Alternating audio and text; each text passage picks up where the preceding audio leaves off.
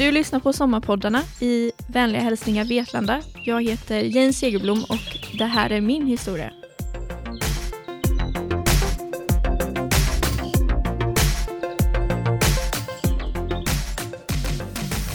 Jag heter Jane Segerblom. Jag är 21 år och har levt den större delen av mitt liv i Vetlanda. Det är här jag har gått i skolan, fått vänner för livet och det är även här en stor del av min familj bor. Till vardags så jobbar jag för tillfället på en förskola som barnskötare då jag har tagit ett uppehåll i mina studier eh, för jag håller på att utbilda mig till förskollärare. Ända sedan jag har varit liten har jag alltid uppfattats som den snälla personen. Jag har alltid sett till att alla mår bra och alltid varit hjälpsam. Jag brukade till exempel alltid hjälpa min mamma att ta hand om mina småsyskon. Och jag brukade alltid hjälpa mina kompisar i skolarbetet så gott jag kunde. Mina lärare brukar alltid berätta på utvecklingssamtalen hur snäll och hjälpsam jag var mot mina klasskompisar. Alltså så var jag väldigt, en väldigt stereotypisk och snäll och tystlåten tjej som samhället lär tjejer att eftersträva. Det gjorde att jag många gånger inte visade min envisa och upproriska sida. Under många tillfällen under min uppväxt har jag tyck, tryckt undan den sidan i förmån för att inte dra till mig för mycket uppmärksamhet. Hela min världssyn och vad jag kunde uppnå och åstadkomma kom att förändras i och med att jag en dag i åttonde klass stötte på Trisegrillan och UNF. Det hela började när jag var 14 år och gick i åttonde klass på Meadeskolan. Det var som nästan vilken vanlig skola som helst. Eh, förutom att en av våra lektioner var inställda för att vi hade fått besök.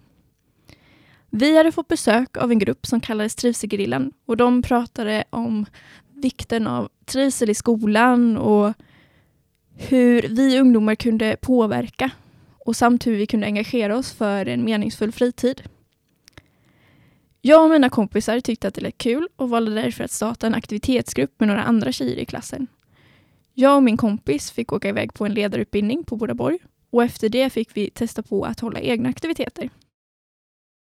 Efter ett tag när vi hade testat på Eh, och hållit lite aktiviteter och sådär så fick vi ett erbjudande att eh, gå med UNF. UNF är Ungdomens nykterhetsförbund.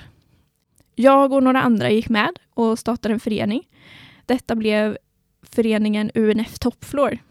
Eh, vi hade en hel del egna aktiviteter Eh, vi hade även en egen lokal där vi hade de här aktiviteterna eh, och det var där vi utgick ifrån. Eh, denna lokalen ligger rakt över Mojärdeskolan i IGT-lokalen på övervåningen. Och eh, det var där vi engagerade oss och höll våra aktiviteter. Och eh, det var när jag började engagera mig i UNF som jag hittade det jag verkligen ville göra på min fritid. När jag var yngre så hade jag testat på en hel del olika fritidsaktiviteter som till exempel fotboll och scouterna och ja, allt ifrån judo till eh, kör och ja. Men jag fastnade aldrig riktigt för någon av fritidsaktiviteterna jag höll på med utan det kändes, ja, men det kändes inte riktigt som att jag hittade min plats i, i världen. Eh, utan jag ville hitta ett ställe där jag kunde börja engagera mig för ja, men hitta ett större syfte. Där jag kunde hitta någonting som jag kunde, ett ställe där jag kunde göra skillnad i samhället eh, på riktigt. Och det var vad UNF var för mig. Eh, när man går med i UNF så gör man ett ställningstagande att man går med på att engagera sig för en demokratisk och solidarisk värld. Och för att uppnå detta så väljer man även att eh, ta ett nyktert ställningstagande.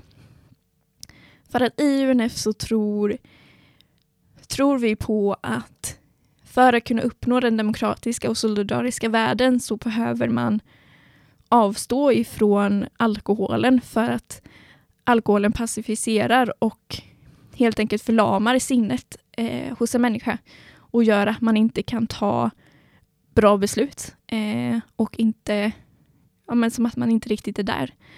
Och därför tror vi att för att uppnå den här, det här drömscenariot av en bra värld så tror vi på det nyktra ställningstagandet i, i och med det. Och det var så jag började engagera mig i UNF. Eh, och eh, det var när jag gick på min första kurshelg i UNF som jag hittade det större syftet som jag hade letat efter. För precis som jag pratade om tidigare så ville jag ju hitta den där platsen eh, där jag kunde engagera mig för, för det större hela och eh, påverka på riktigt. Eh, och det var det jag hittade i UNF. Under den helgen så öppnades mina ögon för vilken inverkan alkoholen faktiskt har på samhället och i världen. Hur många kvinnor och barn som det faktiskt är som blir lidande i alkoholens skugga. Ehm, och hur mycket alkoholens skador kostar samhället varje år som skulle kunna gå till mycket viktigare saker som till exempel en bättre skola, bättre sjukvård ja, och så vidare. Jag tror ni hänger med på, på eh, grejen. Liksom. Och i UNF så har jag fått chansen att växa och utvecklas till den jag är idag. När jag var yngre så, precis som jag berättade om i början, så var jag ganska blyg, lugn person och jag tyckte inte alls om att ta plats eller göra så mycket väsen av mig. Jag försökte alltid hålla mig i bakgrunden. I UNF utmanades denna sidan av mig när jag satte mig i min första distriktsstyrelse för UNF Jönköping, redan som 15-åring. Jag hade det riktigt svårt att faktiskt ta plats i den styrelsen. Det var en del äldre personer i styrelsen som aldrig riktigt gav mig chansen att eh, växa eller ta den platsen som jag kanske hade behövt. Och att jag bodde långt ifrån Jönköping eh, gjorde ju inte det hela bättre. Jag menar det tar ja, mellan två till tre timmar att eh, åka till Jönköping med kollektivtrafik och en timme med bil. Men som 15-åring så har jag ju inte direkt den bästa tillgången till bil liksom, utan då blir det ju att åka kollektivtrafik. Och Eh, då tar det ju ganska lång tid. Eh, det blir sena eftermiddagar och kvällar eh, för att jag går i skolan. Så att det gjorde att det blev ännu mer oåtkomligt och eh, svårare för mig att engagera mig. Och efter det året i styrelsen så kände jag mig ganska värdelös och jag trodde verkligen inte på min egna förmåga att eh, åstadkomma något.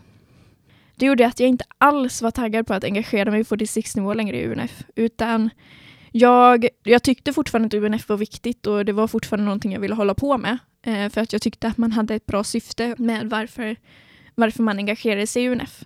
Så att jag fortsatte att göra så, grejer i min förening. Jag fick verksamheten och eh, medlemsantalet att växa där eh, och fortsatte engagera mig för en, eh, för en bättre värld. Och när det hade gått ännu ett år eh, och jag hade hållit de här olika aktiviteterna och fått medlemsantalet att växa så fick jag frågan om att sitta i en distriktsstyrelse ännu en gång.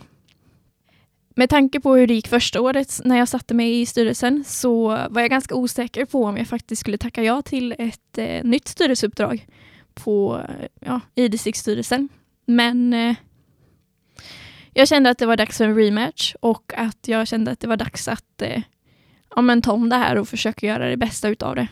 Och den här gången satte jag mig som vice ordförande för distriktet. Och det slutade med att jag satt i distriktsstyrelsen under tre år jag satt både som ordförande eh, under mesta delen av de här åren. Men under mitt sista år så satt jag även som sekreterare innan jag avgick.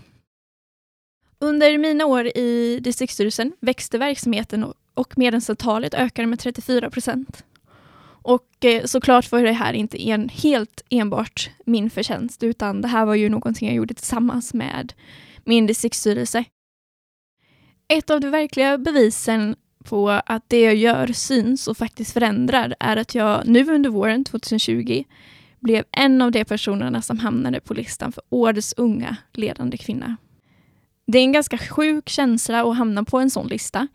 Och jag var även den yngsta personen som hamnade på den listan i år. Eh, och det är också ändå ännu sjukare att eh, jag får den äran att eh, vara med på en sån lista bland andra, andra powerful kvinnor som gör skillnad i samhället och som sitter på ledande positioner. Listan Årets unga ledande kvinna syftar till att lyfta fram ledarförebilder som är kopplade till Jönköpings län. Tanken är att uppmärksamma och se till att det finns fler kvinnor i ledande befattningar. Utmana näringsliv och organisationer att tänka nytt och framför allt bidra till att lyfta fram fler förebilder. Att andra ser mig som en förebild och en röst för unga är ja, men precis som den här grejen med att man ens hamnar på listan känns också ganska sjukt att det är någon som faktiskt ser mig som en förebild. Och att då gå från den här ja, men tysta, blyga, tillbakadragna tjejen till att jag nu är förbundsordförande för Sveriges största nykterhetsorganisation för ungdomar, där 4 000 ungdomar engagerar sig för en bättre värld. Ja, men det är på riktigt en känsla som är riktigt svår att greppa.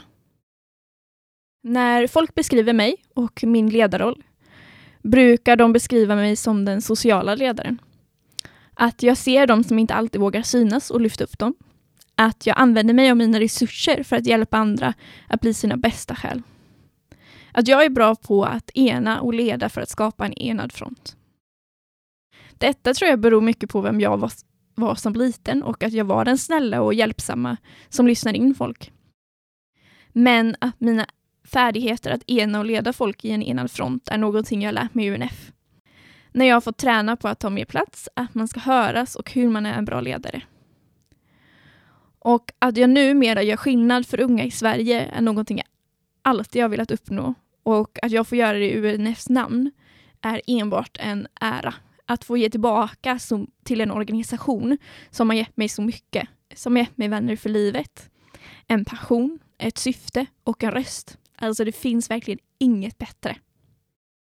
Men att vara en engagerad nykterist och samtidigt vara en ung kvinna är inte alltid lätt. Vuxna lyssnar aldrig på en och försöker alltid hävda att de vet bäst. Och som kvinna blir man aldrig en kraft folk räknar med. För att man är just en kvinna. Jag upplever att man alltid måste hävda sig och bevisa sig för att visa att man förtjänar sin plats i samhället. Och det har nästan alltid varit ett problem i historien. Och att då initiativ som till exempel denna listan då, Årets unga ledande kvinna, är superviktigt att man även lyfter fram och prisar kvinnor som gör skillnad för att tyvärr är det ganska ofta män som lyfts fram och prisas för sina prestationer. Och då kvittar det om det är en kvinna som gör exakt samma jobb eller att det är en kvinna som är i bakgrunden och även lyfter organisationen framåt för att det är alltid mannen som syns i olika sammanhang. Det är alltid mannen som lyfts fram och prisas, det är aldrig kvinnan därför känns det så himla kul att kunna vara en av de kvinnorna som hamnar på, på en sån här lista eh, och som faktiskt visar att vi kvinnor gör skillnad i samhället också. Och för att gå tillbaka på spåret om att vara ung så är det inte alltid lätt utan det är alltid en kamp och så är det nästan alltid många personer som försöker ta plats i samhället. Även fast jag lagligt sett räknas som en vuxen nu med mina 21 år, jag blir snart 22, så tycker jag inte att jag alltid behandlas som en vuxen eller jämlike. Och det är även fast jag räknas som en vuxen så fortsätt, fortsätter man att behandla mig som att jag vore, vore ett barn. Det är ofta man måste höja rösten för att ens få sin röst hörd vid, vid det runda bordet. Man måste använda sig av rätt språk och till och med ibland se ut på ett visst sätt för att bli tagen seriöst. Hur sjukt är inte det att man måste liksom skrika nästan för att ens få sin röst hörd och att man måste se ut på ett visst sätt eller att man måste prata på ett visst sätt för att man ska kunna, kunna få sin vilja igenom. Allt det här gör att det ibland känns ganska oåtkomligt och eh, som att man inte alltid kan uppnå den nivån som krävs för att folk ska lyssna på en. Det är superviktigt att vuxna i samhället tar sig tiden att lyssna till oss unga. Speciellt när man diskuterar frågor som berör unga. Jag menar, vem kan inte ge bättre svar på de frågorna än de unga som faktiskt lever mitt i det? Det är ju de som måste leva med de konsekvenserna som tas av beslut eller grejer man diskuterar om. Det är inte de vuxna. De har redan haft den tiden. Och för att sluta leva efter klyschan att unga inte bryr sig om samhället eller att unga inte vill göra något behöver vuxna ta sitt ansvar att faktiskt få med unga, att lyssna till dem, att lära dem om hur det fungerar. Det är många unga idag som inte har någon aning om vilka rättigheter eller skyldigheter som man har. Och det är där vuxna behöver ta initiativ till att lära ut detta. För det är klart att ungdomar uppfattas som att de inte vill förändra något när man inte blir lyssnad till. För då är det ju skitsamma vad man säger. Det är ju ändå ingen som lyssnar. Och det är en ständig kamp som inte alltid känns helt lätt. Och det tröttar ut en ganska snabbt att behöva kämpa emot det här dag ut och dag in. Jag menar, tänk själva om, ja men när ni går i en kraftig motvind så är det ju inte med lätthet som ni tar steg framåt för att nå slutmålet. Och så är det tyvärr ofta för oss unga, att vi jobbar ofta i motvind för att bli hörda. För att avsluta det hela eh, så vill jag tipsa om en låt som jag brukar använda mig av innan jag ska ut och prata inför folk och tagga igång. Eller till och med innan jag skulle hålla en presentation i skolan. Och den här låten lyssnar jag på för att jag ska känna mig redo att eh, erövra världen, att eh, prata inför vuxna och ja, känna mig redo helt enkelt. Och det är låten Run the World ifrån Beyoncé och hennes Homecoming Live-album. När jag har lyssnat på den känner jag mig redo att erövra världen. Och jag tycker också att ni som lyssnar på det här ska hitta en sån här låt. Eh, det kan bli ert anthem till ert liv eh, eller en låt som ni bara helt enkelt taggar igång till. Som ni kan lyssna på när ni ska göra er redo att ta över världen. Du har lyssnat på Sommarpoddarna i vänliga hälsningar Vetlanda. En poddproduktion av Vetlanda kommun